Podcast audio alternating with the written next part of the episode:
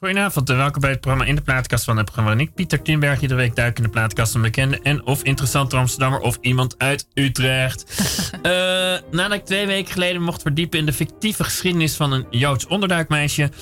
Uh, en de gevolgen daarvan en later en, uh, en de gevolgen daarvan later en een aantal weken daarvoor weet niet meer precies wanneer, daar ook al in de fictieve geschiedenis van een vrijgemaakte slavin in Suriname in de 19e eeuw. Deze week een schrijfster die via haar eigen verhaal de geschiedenis van een deel van haar achtergrond wilde laten doen herleven. Namelijk Lisa Weda, die het boek Alexandra schreef. Waarbij ze via een kleed de geschiedenis van de Oekraïne-pact van de Russische-Japanse oorlog in 1905, zo'n beetje. Ja, uh, ja uh, tot nu. Volgens mij komt er ook echt geen andere historisch iets ervoor. Maar goed, uh, hoe dan ook inderdaad. Hoewel het boek Alexandra haar debuutroman is, is ze wel al vrij lang bezig met schrijven. Zo schreef ze al eerder de novelle De Benen van Petrovski. Die je, althans als ik het onderwerp las, ook als een soort korte voorloper van dit boek wellicht zou mogen noemen. En schreef ze ook meerdere scenario's voor korte films. Dus niet films zoals we die kennen, maar meer maar goed, mag ze zelf straks uitleggen. Kortom, een schrijvend kunstenares, om, maar, om het maar een naam te geven. Een groot plezier haar in de studio te mogen ontvangen. Lisa Weda, van harte welkom. Dankjewel. Ja. Fijn om er te zijn. Ja, uh, helemaal uit Utrecht dus. Uh, ja, en je hebt ook uh, uiteraard, zoals altijd, muziek meegenomen. Althans, YouTube-linkjes gestuurd. Ja. volgens mij zei je het ook, hè? het is altijd moeilijk. Ja, het was echt. ik luister heel veel muziek eigenlijk de hele dag door. Ik hou erg van muziek, ben er ook mee opgegroeid. Thuis was er altijd muziek die aanstond, van klassiek tot de Rolling Stones, tot Bruce Springsteen, tot, uh, ja, noem het maar op eigenlijk. Dus als jij dan uh, vraagt, breng maar zes of vijf liedjes mee, dan is dat best wel een. Uh... Kies uit duizenden, zeg maar. Ja, exact. Ja, en hoe heb je je selectie gemaakt? Dat je dan een soort. ik vraag nooit de richtlijnen, wees egoïstisch als mensen erop doorvragen. Maar hoe, had je het voor jezelf bedacht? Van, Um, ik heb een beetje gezocht naar de, de liedjes die, of de nummers die tijdens het maken van mijn roman voor mij belangrijk waren. En, uh, of die ik in ieder geval heel vaak heb geluisterd tijdens het schrijven, zeker in het laatste jaar. Dus de dingen die ik gebruikte tijdens het redigeren of als ik s'nachts aan het werk was. Ja. Dat zijn eigenlijk, dus het zijn vrij uh, recente tracks. En één, ja, een paar zijn ietsjes ouder of dingen waar ik gewoon heel erg van hou. En één is vrij recent, maar ik weet helemaal niet of je die gaat draaien. Van Bo Burnham een, uh, het nummer of White Woman's Instagram of content. Uh, wat ik heel vet vond, was dat hij is een comedian en hij maakte een show helemaal in zijn eentje, de show Inside, tijdens de lockdown. En dat was zo herkenbaar voor mij en mijn vrienden. Dat ja, ik ben wel heel erg van die showregistratie die hij in zijn eentje helemaal heeft gemaakt heel erg gaan houden. Dus dat is meer een soort corona-lijflied oh, geworden. Oh, nee, in feite een lijntje min. Dus we kunnen best, je hebt de volgorde, volgens mij staat hij niet op één als ik je zo hoor. Of nee. niet als eerste. Zullen we die dan ook wel meteen draaien? Dan is het misschien wel leuk, ja, nu cool. het zo voorgesteld hebt. Welke is het? Uh, content is het. Even kijken. Staat helemaal onderaan, denk ik. Ja, even kijken. De, de staat onderaan. Uh, heb je wel gestuurd? Of, ik hoop het wel. hoe, heet, hoe heet, we kunnen hem altijd opzoeken trouwens. Hij heet uh, Bo Burnham. Heet oh ja, White Women's, woman, Woman's Instagram, is dat hem? Ja, en daaronder staat volgens mij oh, of. ja, en content. Dan ja, verdomd, ik kijk slecht. Ja, zullen we die dan draaien? Ja. Content van, oké. Okay, het is lekker kort ook. Even kijken, is dit, is, is dit nou reclame of... Oh nee, het is wel degelijk het nummer. Ja, pakken we hem nu bij.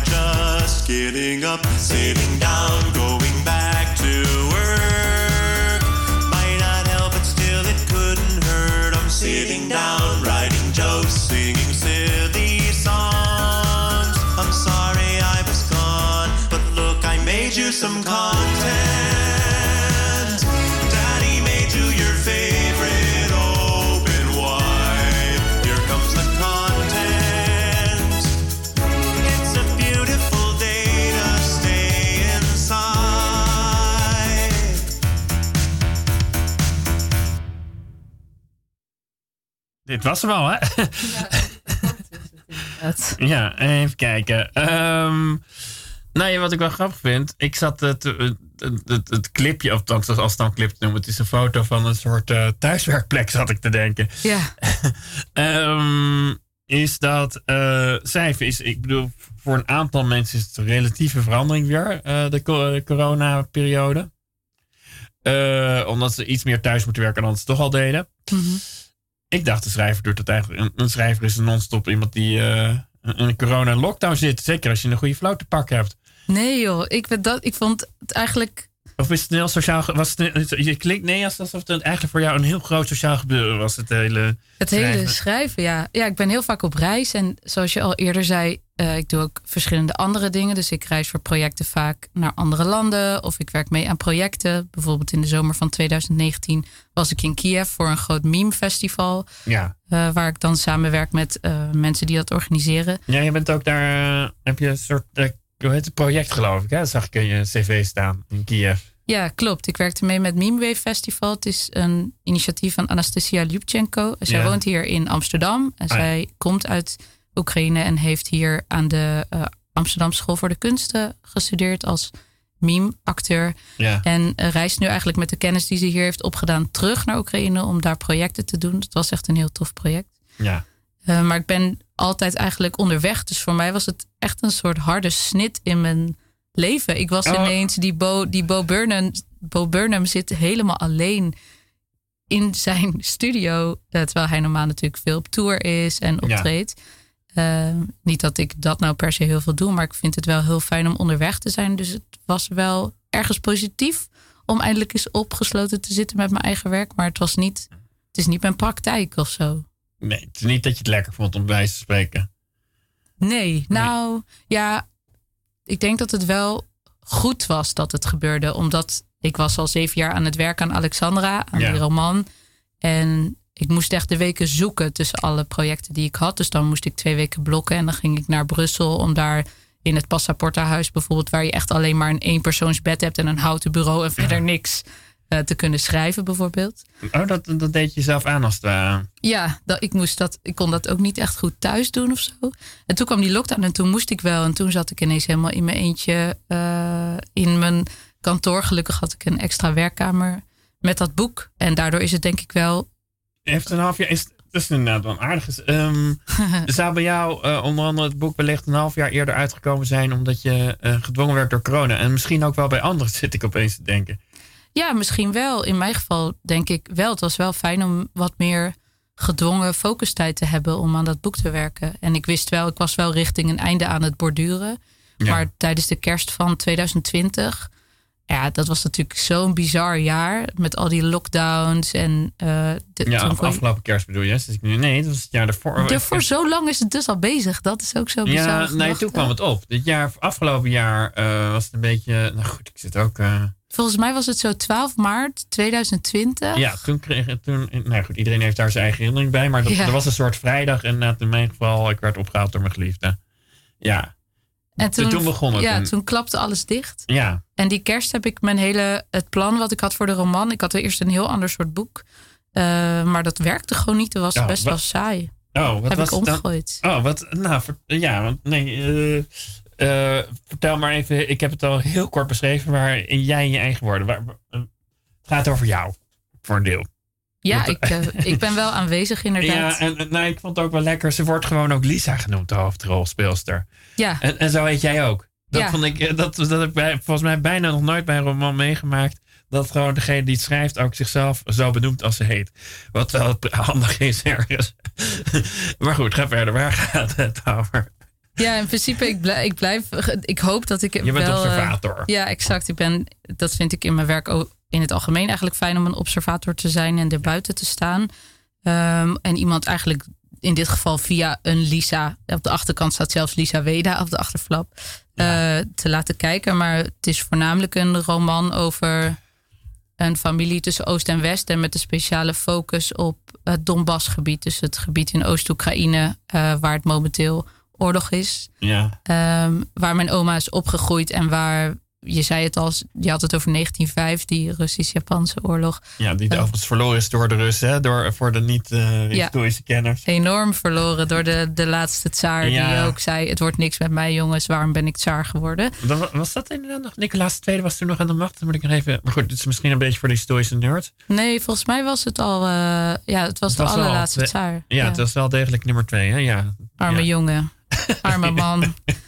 Maar Ehm, goed, het gaat niet over Nicolaas II. Dit. Daar heb ik Ja. wel ook heel. eh, dat, maar daar hoeven we niet. Ik heb mij ook helemaal in die tsaren verdiept. Maar dat zat eerst ook in het boek. Maar dat is er dank God allemaal Oh, uitgegaan. wa- waarom heb je dat eruit inderdaad? Want eh, nou ja, ik, ik voel een beetje dat het historischer was voordat je, het- voordat je het. Precies. Ja, dat was het inderdaad. Nu is het echt een familieroman waarin eh, Lisa Weda, Lisa terugreist naar huis, het huis van haar, het land van haar overgrootmoeder met een doek en een opdracht om die doek naar eh, het graf van haar oom Kolja te brengen. Die is Ja. overleden, mm, vermoord in de, eh, in de oorlog in Oost-Oekraïne.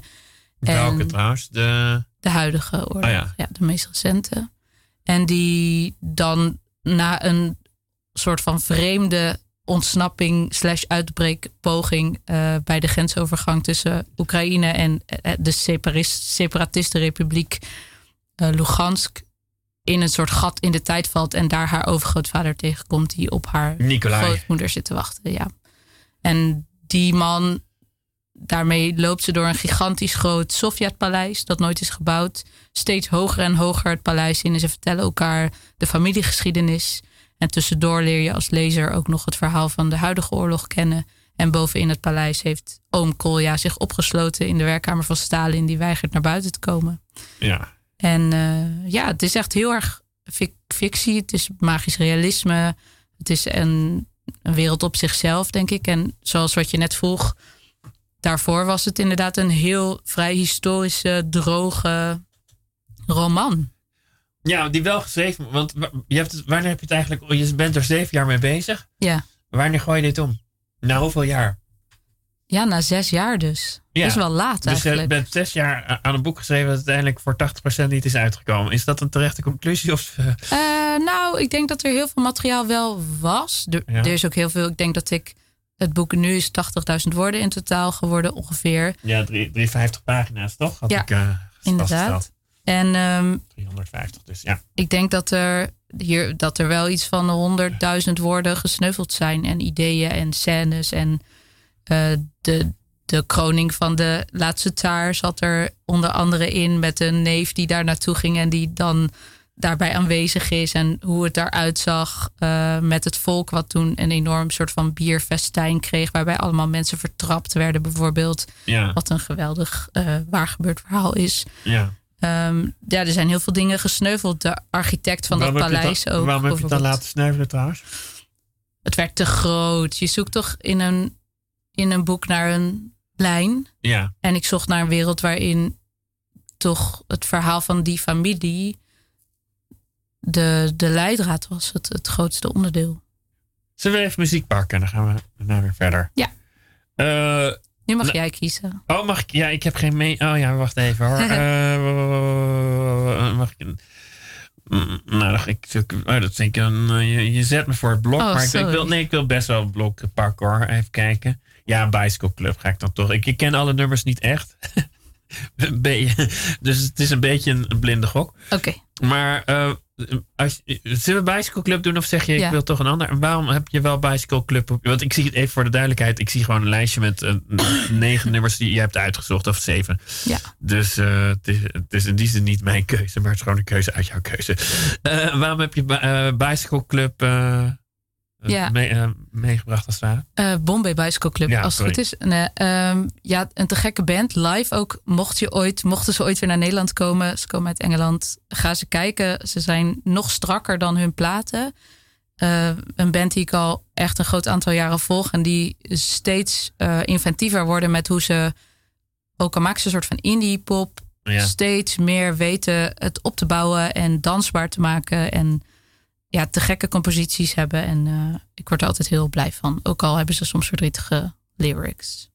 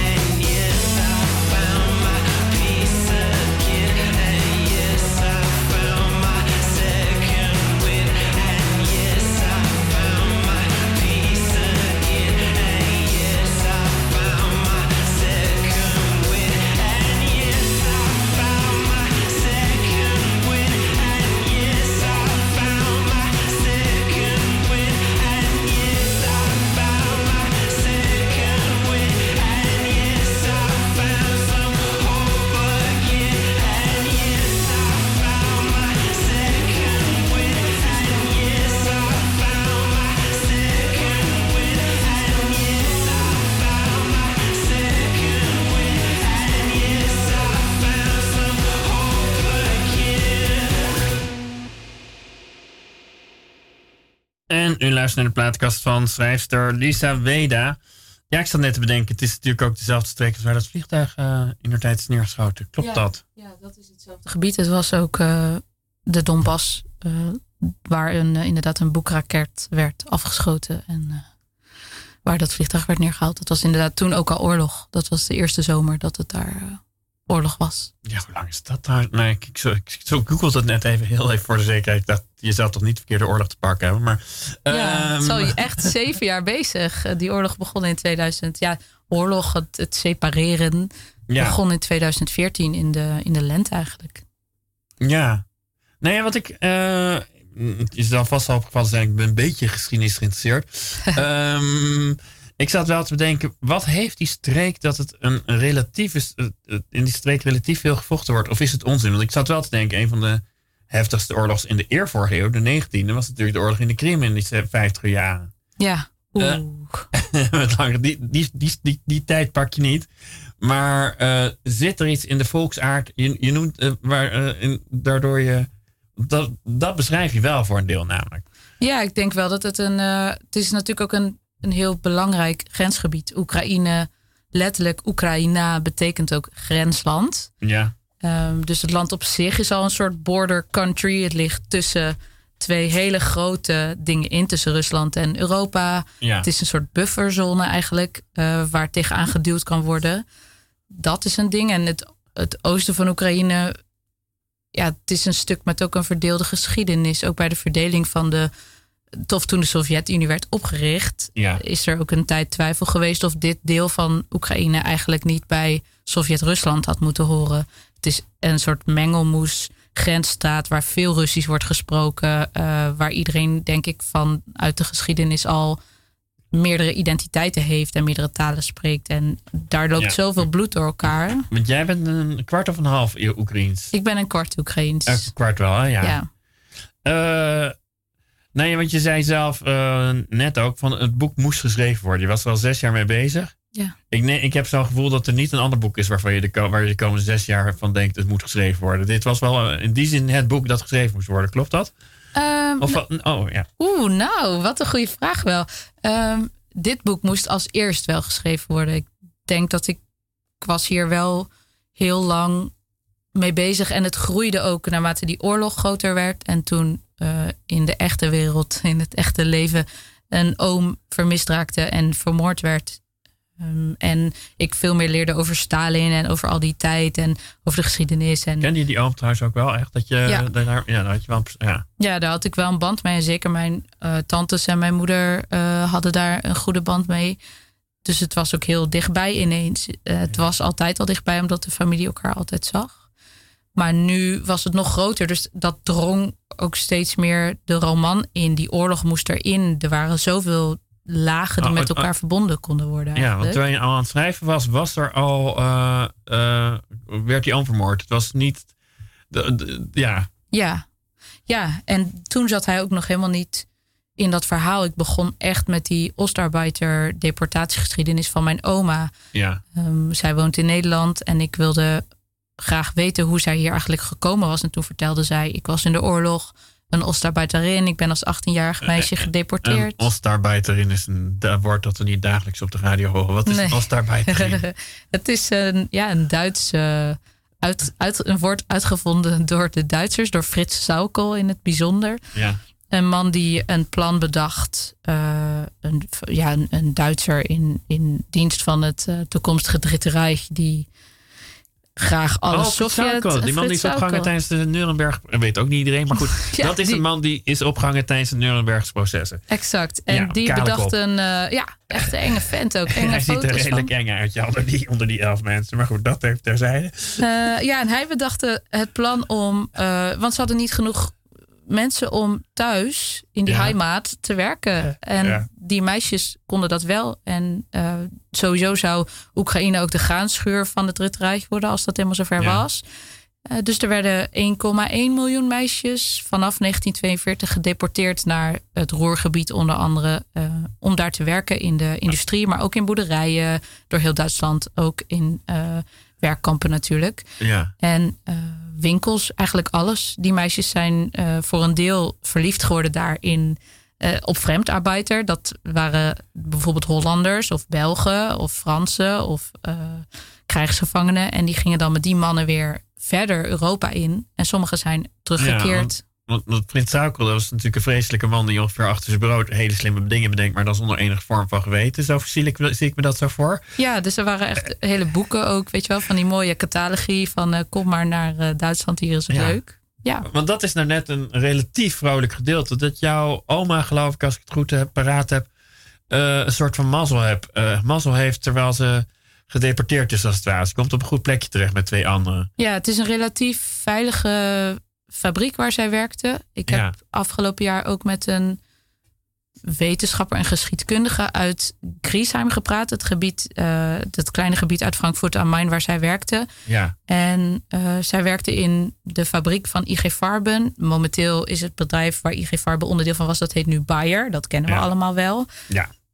Maar dat Eh, bedrijf was fout in de oorlog, om het even cynisch te zeggen. Ja, heel plat gezegd, ja. Dus zij deden wel veel voor, eh, om alles draaiende te houden, inderdaad. En er was in dezelfde regio, of in datzelfde ja, dorpje of kleine deel van Frankfurt am Main, was er een andere fabriek waar mensen, zoals mijn oma, Oostarbeiterinnen, heel slecht behandeld werden. Waar Ja. er veel minder eten was, waar er ook massagraven eh, werden gegraven langs de fabriek, waar iedereen die lichamen dan maar naartoe moest brengen, omdat er niet genoeg eten was voor de arbeiders. Dat was er voor mijn oma ook. Er was echt niet genoeg eten. D- er is ook een kleine opstand geweest, heeft ze verteld. Dat Ah, ze ja. zeiden, we gaan niet meer werken als we zo weinig te eten krijgen.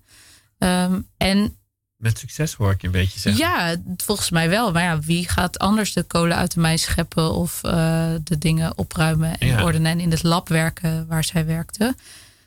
En ik denk dat ze ook wel vrij vrij waren.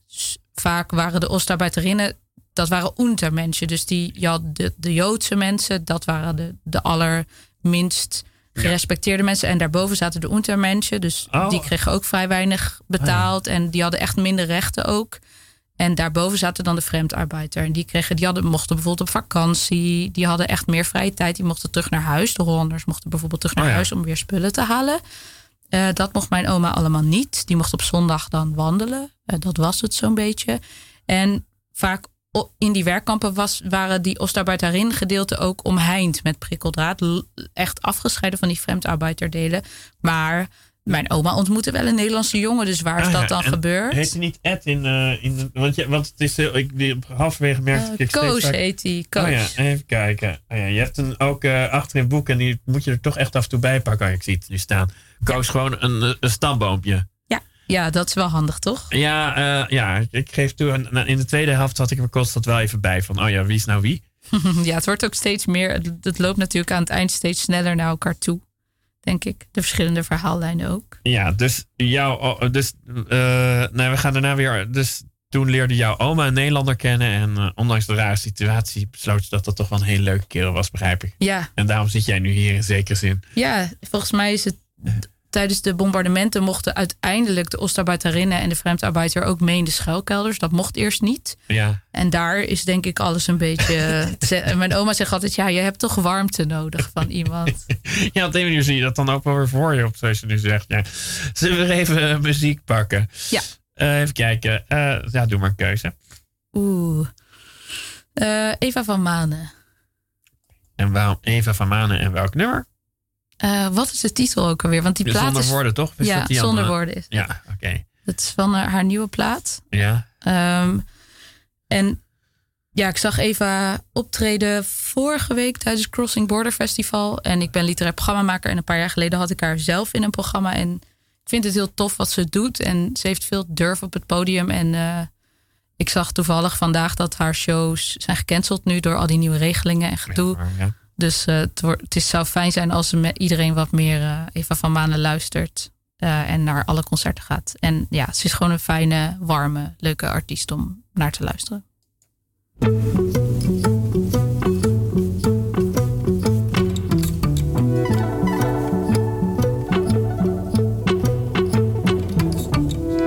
Leg het me uit, waar ben je? Waar ben je nu? Hoe kan ik op weg zijn als het niet naar jou is? Mensen praten zoveel, zeggen zoveel geks. Leg me uit, maar liever zonder tekst. Geef mij die dag terug tot het rustig. In een kamer de tv aan en bij zachtjes. Leg het me uit. Leg het me uit, mijn liefde zonder woorden. Leg me uit,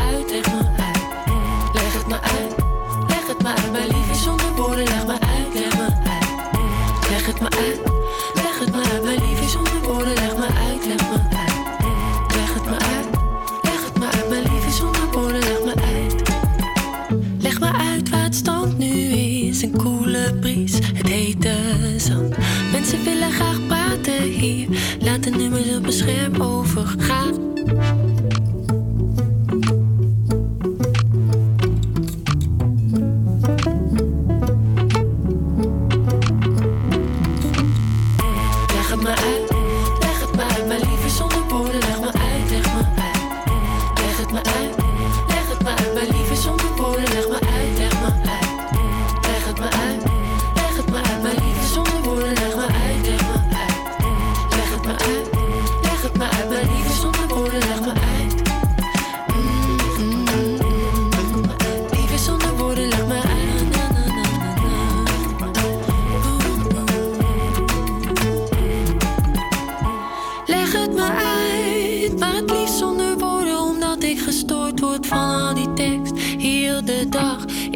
Ik wil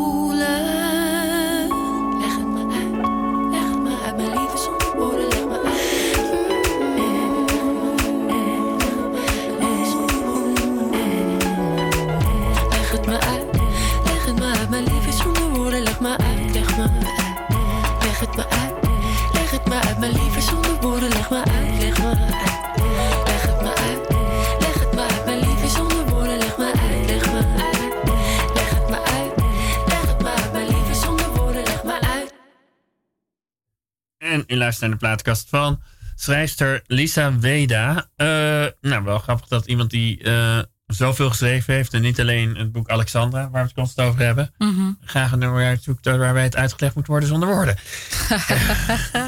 ja. Nee, ik dacht wel wat daar een beetje bij past. De vraag is, eh, waarvan de, de- eigenlijk de enige vraag die ik van tevoren wist dat ik ging stellen. Oké, de herten. ja. Die komen regelmatig terug in je boek. Eh, uiteraard voelt dat vrij fictief, maar uh, want er komen geen letterlijke herten opdraven. Maar wat betekenen de herten voor jou uh, als überhaupt terugkerend gegeven in je boek? En wat, wat, waar staan ze voor voor je? Ja, het hert is het symbool van de Donkozak. Het is het, het, als ze dragen dat ook als embleem. Dat is dan... De Oekraïner zou deze vraag niet stellen, hoor ik al bijna. Nou, jawel. Okay. uh, ik wist heel lang niet dat het hert een, uh, het embleem was van de Donkozakken. Mijn overgrootvader Nicolai in het boek, ja. de vader van Alexandra, is een Donkozak. En Donkozakken waren ja, een vrij gevochten volk rondzwervend. Ja. Die op een gegeven moment, er zijn kozakken en dan heb je allerlei soorten koezakken. Uh, de Kuban-kozak onder andere ook. Maar de Donkozakken waren de Kozakken die zich uiteindelijk, uh, ik denk begin 20e eeuw, zijn gaan settelen, vestigen rond de Don. Die daar Ja. stanitsas, dorpen, nederzettingen zijn gaan bouwen. En dat waren. Wat, wat is de Don? Is, Don is een rivier? De Don is een rivier, inderdaad. En dat zijn uh, ja, mensen die uh, als slogan of als lijfspreuk hadden liever vrij sterven dan. of liever dood zijn dan leven als slaaf eigenlijk. Ja.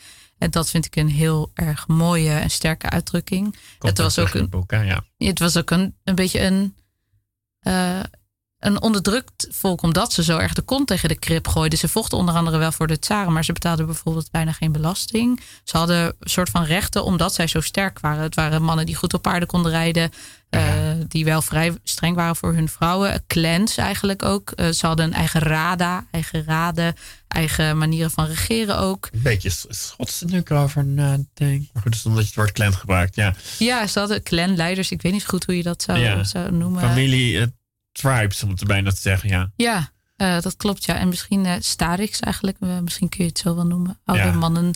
Um, en ik vind dat een heel mooi gegeven. En ik wist heel lang niet dat dat hert... Het is een hert met een pijl in zijn rug. ja. Het symbool is voor de Donkozak. Wat ik een Oh, hele... ja. Ik, inderdaad, ik had Mooi, die pijl nog niet eens gezien. Prachtig? Het, het boek Heel klein. Alexandra staat dus heel groot. Alexandra, in het midden klein staat een hert die inderdaad, ik had nog niet eens gezien dus, een pijl in zijn rug heeft. En ik zou bijna ook zeggen, graanhalmen uit zijn, in plaats van, eh, hoe heet In plaats van een gewei. In plaats van een gewei, maar misschien is dat toeval. Uh, ja, dat is denk ik eerder toeval, maar wel mooi dat je dat erin ziet. Want dat is een groot deel van het landschap natuurlijk. Zeker van het, uh, het oostelijke landschap. Ja, het speelt politiek ook nog wel een rol af en toe, kreeg. Ja, zeker. In de jaren dertig uh, was het graan uh, een heikel ding. Maar die donkerzakken... Ik, ja, ik was... Mijn, Nicolai die zet op een gegeven moment in, in de roman... zet hij Alexandra op de trein en dan zegt hij tegen haar... vergeet niet dat je vader een donkerzak is. Ja. En mijn oma vertelde mij dat dan weer een aantal jaar geleden. En toen ben ik dat gaan uitzoeken. En toen kwam ik hierachter. En het staat heel erg symbool voor die vrijgevochtenheid. En proberen niet te breken onder al die machten die steeds bovenop je willen gaan liggen. En je aan banden willen leggen. Voel jij je een donkozak een beetje? Ja, ik ben wel stront eigenwijs, ja. Autoriteit is niet uh, per se iets waar ik uh, goed mee om kan gaan. Hoewel ik me heus netjes aan de regels hou. Je, je, je zal niet door het rode licht rijden, Nee. maar het, uh, nou ja, ik kan me er wel iets bij voorstellen dat je dat ook op een bepaalde manier, uh, derde generatie donkozak dan. Uh, je Ja. bent een kwart donkozak geloof ik, nu ik erover nadenk. Ja. Dat je dat ook op een bepaalde manier. Is dat ook iets toevallig wat uh, al vanaf je vroege jeugd, dat je toch op een bepaalde manier een donkozak bent? Of ben je pas kort, nu met dit boek bent bezig, gaan, uh, als een donkozak gaan voelen? Oeh. Um, Nou, ik denk wel dat ik altijd heel veel waarde heb gehecht aan het hebben van familie uit. eh, mijn familie woont inmiddels in Rusland, Oekraïne en Kazachstan, verdeeld door de Sovjet-tijd. Ehm, ja, ik voelde me wel altijd wat meer zo, maar wat dat dan precies is, wel wat losser en vrijer. Ik denk dat als ik in Oekraïne ben geweest en ik kom terug in Nederland, dat ik wel denk, wat een geordende bende is het hier altijd. Of ja, niet bende dus, maar Ja. alles is geordend tot de bomen in de straat aan toe. En in Oekraïne is het wel veel levendiger en wat meer eh, onvoorspelbaar en, en harder, maar ook wel ehm, een sterkere identiteit, denk ik. Weten waar, waar je voor staat en daar wat meer voor durven doen. En ja, ik vind het wel ook interessant dat de Don-Kozakken zijn ook onderdrukt. In de jaren twintig zijn er best wel veel Kozakken, omdat die dus niet onder dat Sovjetbewind wilden Ja. zitten. Gedeport, gedeporteerd en vermoord. En ik denk wel, ja, het is best wel, het is verschrikkelijk, maar het is wel mooi om die geschiedenis te kunnen vertellen. En daarvoor was het boek wel nodig. Ja, was dat een van de redenen dat je zes, zeven jaar geleden dacht van het boek moet geschreven worden? Gewoon ook om, om de Nederlandse vrienden en dergelijke klein beetje Oekraïnse geschiedenisles te geven vanuit een eh romanperspectief? Of was er een, eh, was het meer voor jezelf of eh, allebei een beetje misschien? Nou, ik denk wel idealistisch gezien dat ik dat zeker wel een beetje had, maar dat ik daar niet zoveel over probeerde te roepen. Maar zeker die Ostarbeiterin geschiedenis, zoals jij zei, dat woord kennen we amper. Ik had dat Ja. nooit in een geschiedenisboek zien staan. En ik was als kind echt gefascineerd door de Tweede Wereldoorlog, door de Holocaust. Ik gaf op mijn tiende een spreekbord over Auschwitz. Ja. En dan dacht iedereen dat kind is gek. Gaat In Utrecht haar? inderdaad, waar je nu woont? Of was het... eh, In Dordrecht op de Ah, ja, openbare basisschool. ja. Ehm, ja, dus het is zeker wel een, een manier om meer te vertellen over Oekraïne aan de Nederlandse lezer. Ja. Ja, Er zit ook wel een klein beetje geschiedenisdocent in Lisa Weda, voel ik een beetje. ja, ik kan wel urenlang, als ik dan ergens induik, Ja. helemaal in verdwijnen en daar alles over willen weten. En dat ook zo goed mogelijk willen weten. En ik denk ook dat dat is waarom dit zeven jaar duurde. Want ik heb al zoveel mogelijk gelezen over de hongersnood in de jaren dertig. Oh ja. Bijvoorbeeld zoveel mogelijk over Stalin. Zoveel mogelijk over de, het, het uitproberen te onderdrukken van de Donkozakken. Maar ook van de Koelakken, de rijke boeren. eh, waar mijn oma, eh, ja, die was een Koelakkenfamilie. Ja, er zitten wel wat tegen. Maar zullen we weer even muziek doen? Want er zit Ja. behoorlijk wat tegenstellingen in je boek. Dus nu je dat ook weer zegt. Eh, welke zullen we nu pakken? Ehm, doe maar Hold Your Own van Kay Tempest. Waar ben je? Uh, oh ja, de eerste. Even kijken, en waarom dat nummer? Oeh, omdat ik er, eh, tenminste als ik het in mijn eentje luister, altijd een beetje van moet huilen. Eh, omdat ik het heel mooi geschreven vind. Het is meer spoken word eigenlijk. Eh Kate Tempest is een fantastische artiest met, die zo goed kan schrijven en zulke mooie verhalen kan vertellen via spoken word met dan een beetje soundtrack eronder. En ja, dit kan je gewoon honderd keer luisteren en er zoveel dingen uithalen. Het is echt heel knap gedaan.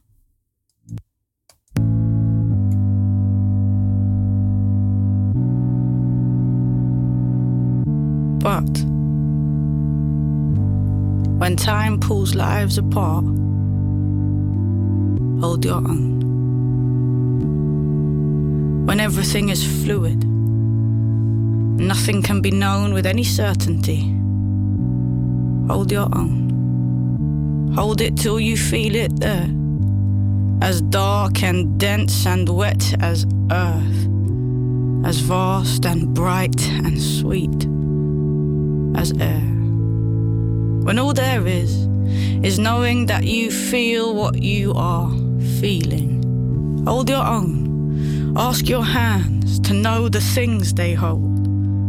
I know the days are reeling past in such squealing blasts, but stop for breath, and you will know it's yours.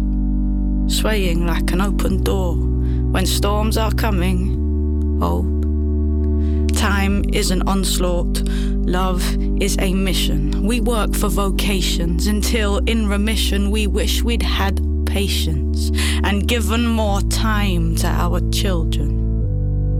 Feel each decision that you make, make it, hold it, hold your own, hold your lovers, hold their hands, Hold their breasts in your hands like your hands were their bra.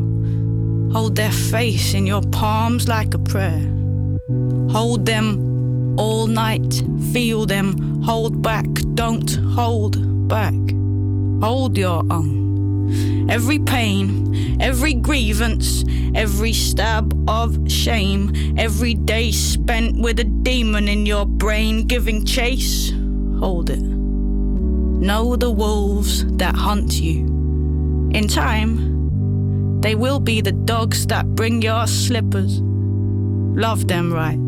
And you will feel them kiss you when they come to bite. Hot snouts digging out your cuddles with their bloody muzzles. Hold. Nothing you can buy will ever make you more whole. This whole thing thrives on us feeling always incomplete. And it is why we will search for happiness in whatever thing it is we crave in the moment.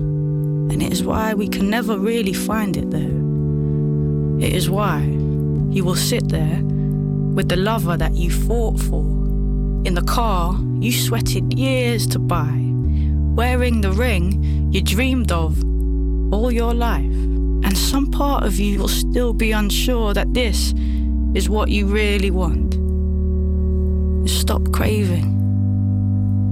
Hold your own.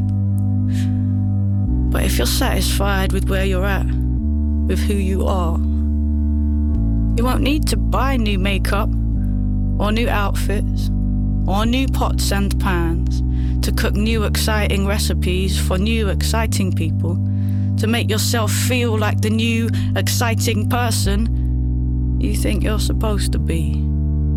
Happiness, the brand, is not happiness. We are smarter than they think we are. They take us all for idiots, but that's their problem. When we behave like idiots, it becomes our problem, so hold your own. Breathe deep on a freezing beach, taste the salt of friendship, notice the movement of a stranger. Hold your own and let it be catching.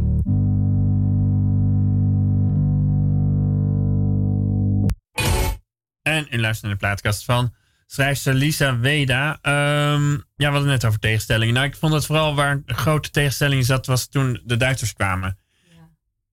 En eh, toch een hoop mensen hoopten dat ze een soort bevrijding zouden brengen. Terwijl ze, het niet, wi- terwijl ze eigenlijk ook wel wisten dat het weer niet zo was. Daar zat een soort hele gemengde gevoelens in. Ja, dat is een hele gekke tijd geweest.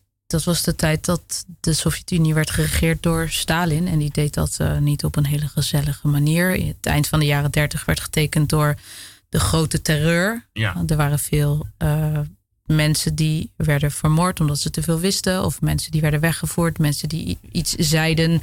Eén klasgenootje in de klas, was jij ja, die dat beschreef. Ja, klopt. Een meisje dat vroeg... eh, ja, dan moet ik even goed nadenken. Natja, geloof ik dat ze heet. Dus ik Nat- Natja, als ik, als ik even Ja, goed en nadenk. de klasgenoot van Nastja inderdaad. ehm, die, eh Nastja is de zus van Alexandra. Die vraagt waar al het eten nou eigenlijk blijft. En die zegt dat haar vader eh, zei dat het zelfs in de jaren twintig minder erg was. Ja. En eh, ja, die, va dat, die is er dan vervolgens niet meer. Ja. Eh, die verdwijnt. En dat was een tijd van veel verdwijningen. gulag, massadeportaties, ehm massamoorden. En dan ineens komen er die, die Duitsers het land binnen. In sommige dorpen werden ze ook in Oekraïne onthaald met erehagen. Ja. Helemaal mooi van Nederland bloemen. je natuurlijk ook de NSB, maar dan Ja. toch op andere schaal en op andere manier, begrijp ik. Ja, die werden echt met eh, niet overal, hè? Want zo zwart-wit is het natuurlijk niet. Dat maakt de geschiedenis ook zo complex eh, rondom dit. Maar in sommige plekken werden de Duitsers zeker onthaald met echt hele mooie mm, swastika en al bloemen in hagen. Kom maar binnen, hier heb je brood, zout en, eh, en boter. Kom maar. Ja. Want we willen gered worden van het kwaad. En toen bleek, dat, bleek die partij net zo kwaad te zijn.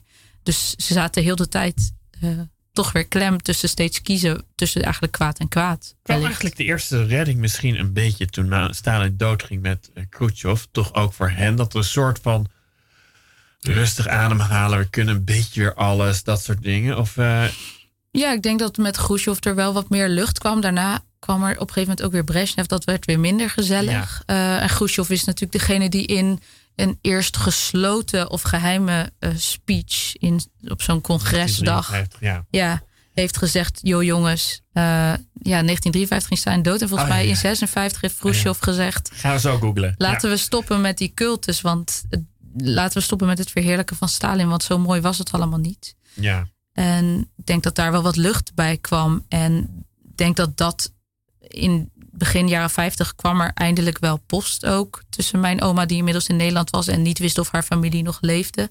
Alexandra gaat, eh, eh, ontvangt eindelijk een brief van haar ouders. Omdat een van haar vriendinnen terugreist naar Oost-Oekraïne. Ja. Ehm, maar heel lang was er ook weinig contact mogelijk tussen Oost en West. Ja. En ja, Alexandra wordt ook wel nog later in de jaren tachtig eh, vergezeld door een, een man die zij helemaal niet kent als zij op reis is in, eh in Ja, dus er werd wel een beetje in de gaten gehouden van gaat dat wel goed. Ja, want uit jouw boek krijg je een beetje de indruk dat het vooral gesproken bron is. Terwijl je, als ik jou zo hoor, dat maar slechts een heel klein gedeelte is. Klopt dat? Dat je, het is niet het archief van de, van de, van de Veda's of eigenlijk van jouw uh, Oekraïnse achtergrond. Ja, het Die is, eh, gedomineerd heeft bij, de, bij dit boek. Naast het feit dat je natuurlijk gewoon een hoop gedacht hebt. Het is een- altijd natuurlijk een, het is een roman en het is een constructie van heel veel verschillende elementen. En veel van de, ja, de, hoe zeg je dat, de gruwelijke plotpunten zijn waar. Ja. En een aantal dingen zijn, zeker omdat je een verhaal moet vertellen, zo onderzocht eh, dat er heel veel ruimte is om verhalen te kunnen vertellen. En er inderdaad een extra laag en een mooie ronde vertelling van te kunnen maken. Anders was het inderdaad een vrij feitelijk boek. Om, maar bij het begin te beginnen, je bent niet over een brug gerend. Wat zei Je je? bent niet over een brug gerend, toch? Dat is waar het mee opent ongeveer. Dat je... eh, ja, dat ga, moet ik dat vertellen? Breekt Nou, dat nee, nee, de nee. fictie? Maar goed, de opening klopt niet eh, woord voor woord, zullen we maar zeggen. Nee, nee. En ik had het, ik, daarom is het zo fijn om deze roman te maken, omdat ik juist zocht naar een boek dat ook de lezer ruimte geeft om in een ander universum terecht te komen Nee. en daar met mij te zoeken naar iets. Want ik heb ook, stel dat dit non-fictie was, dit is zo'n complexe geschiedenis om eh, te zoeken naar een antwoord dat je maar beter in een soort wazige, Nou ja, in een je- wazig paleis eh, tussen vreemde, vreemde gebeurtenissen kan zitten, denk ik. Nee, want dat je, je had ook, eh, zoals ik er inmiddels achter ben gekomen, dat het hert meer is dan gewoon toevallig mo- mooi symbolisch iets, maar ook wel degelijk iets in de Oekraïne betekent. Ja. eh, in dit gesprek. Eh, eh, een ander iets dat symbolisch heel sterk constant terugkomt natuurlijk. En nog wat explicieter is natuurlijk dat kleed. Ja, de familiedoek met alle rode en zwarte geborduurde lijnen erop. Ja, even een domme vraag, maar ik vind het wel leuk om te stellen. Bestaat dat kleed? Ja, ik ga. Dit wordt me heel vaak gevraagd. Ehm, het is de doek die Baba Mari maakt. eh, op het moment dat ik moet. Ik doe even een context een beetje. snap ik. Eh, die Baba Mari, de oma van Alexandra, begint te naaien als Nastja overlijdt. eh, in de tijd van de hongersnood, de zus van Alexandra. eh, om maar die familielijnen vast te leggen. En Alexandra krijgt die doek dan mee in 1942 als zij de trein ingaat. Ja. Eh, Dan nog naar Duitsland. ja, nu stel ik gewoon antwoord op jouw vraag uit, maar ik laat ik je, het, mag ook in het midden laten. ja, ik laat het graag in het Laat dan midden. maar aan de lezer of het, eh, of het klopt of niet. Of, die, of, die, of dat kleed er echt is. Nou, ik ga hem, ik ga hem anders stellen, maar daar ben ik helemaal niet hoeft beantwoorden. Is dat boek een beetje ook een soort kleed, maar dan in boekvorm?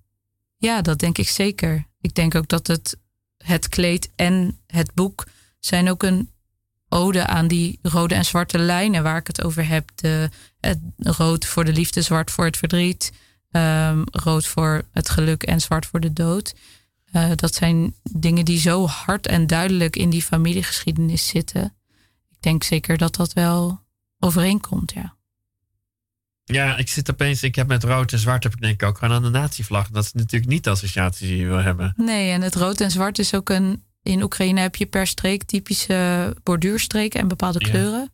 En in Lugansk, eh, de regio waar mijn oma vandaan komt en waar de roman zich ook afspeelt, is het rood, zwart en blauw. Ja. En er is ook een heel mooi. Past dat qua- ja.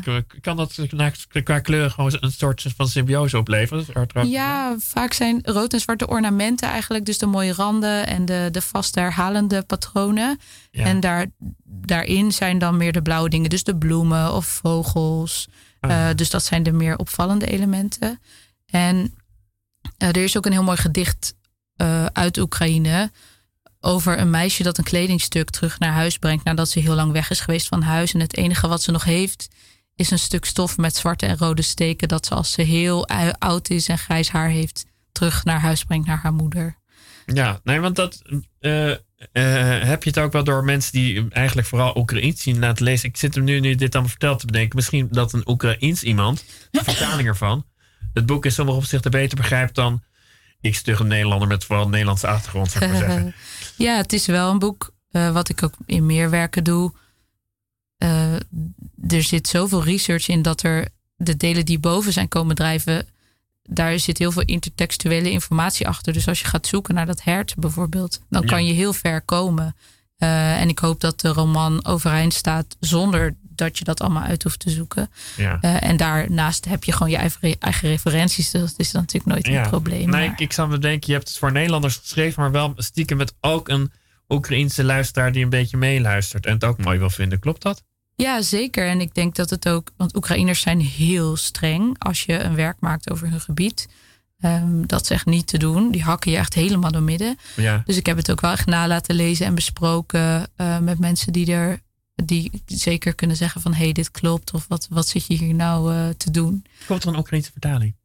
Oeh, ja, dat is wel een Stille moeilijke, droom, denk ik. een stille droom. Eh, ik zou het ook heel fijn vinden als het bijvoorbeeld al in Polen een beetje vanaf Ja. daar een beetje wordt vertaald. Geen idee. Ik hoop Ja, het. Want, ja, ik zat inderdaad Polen had ik ook een beetje waarvan ik dacht dat drijft wel erg ver af. Want dat is wel soms vergelijkbaar. Het is ook zo'n grensgebied tussen Oost. ja. Ja, ja, zeker.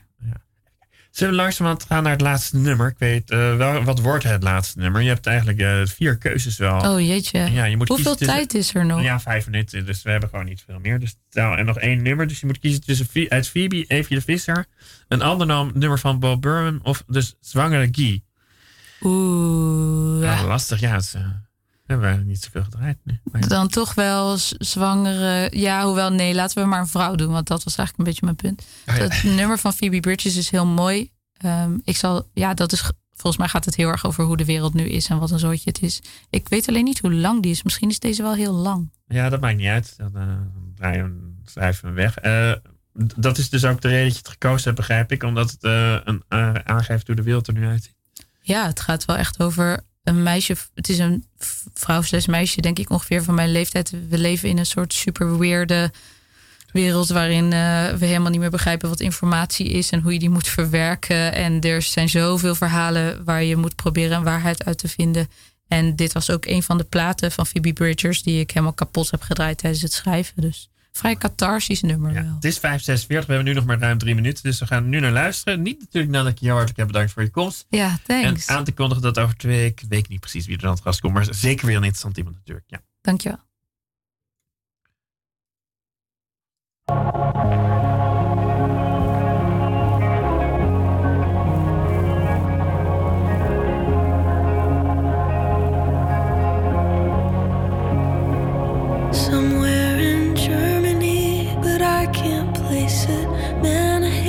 spark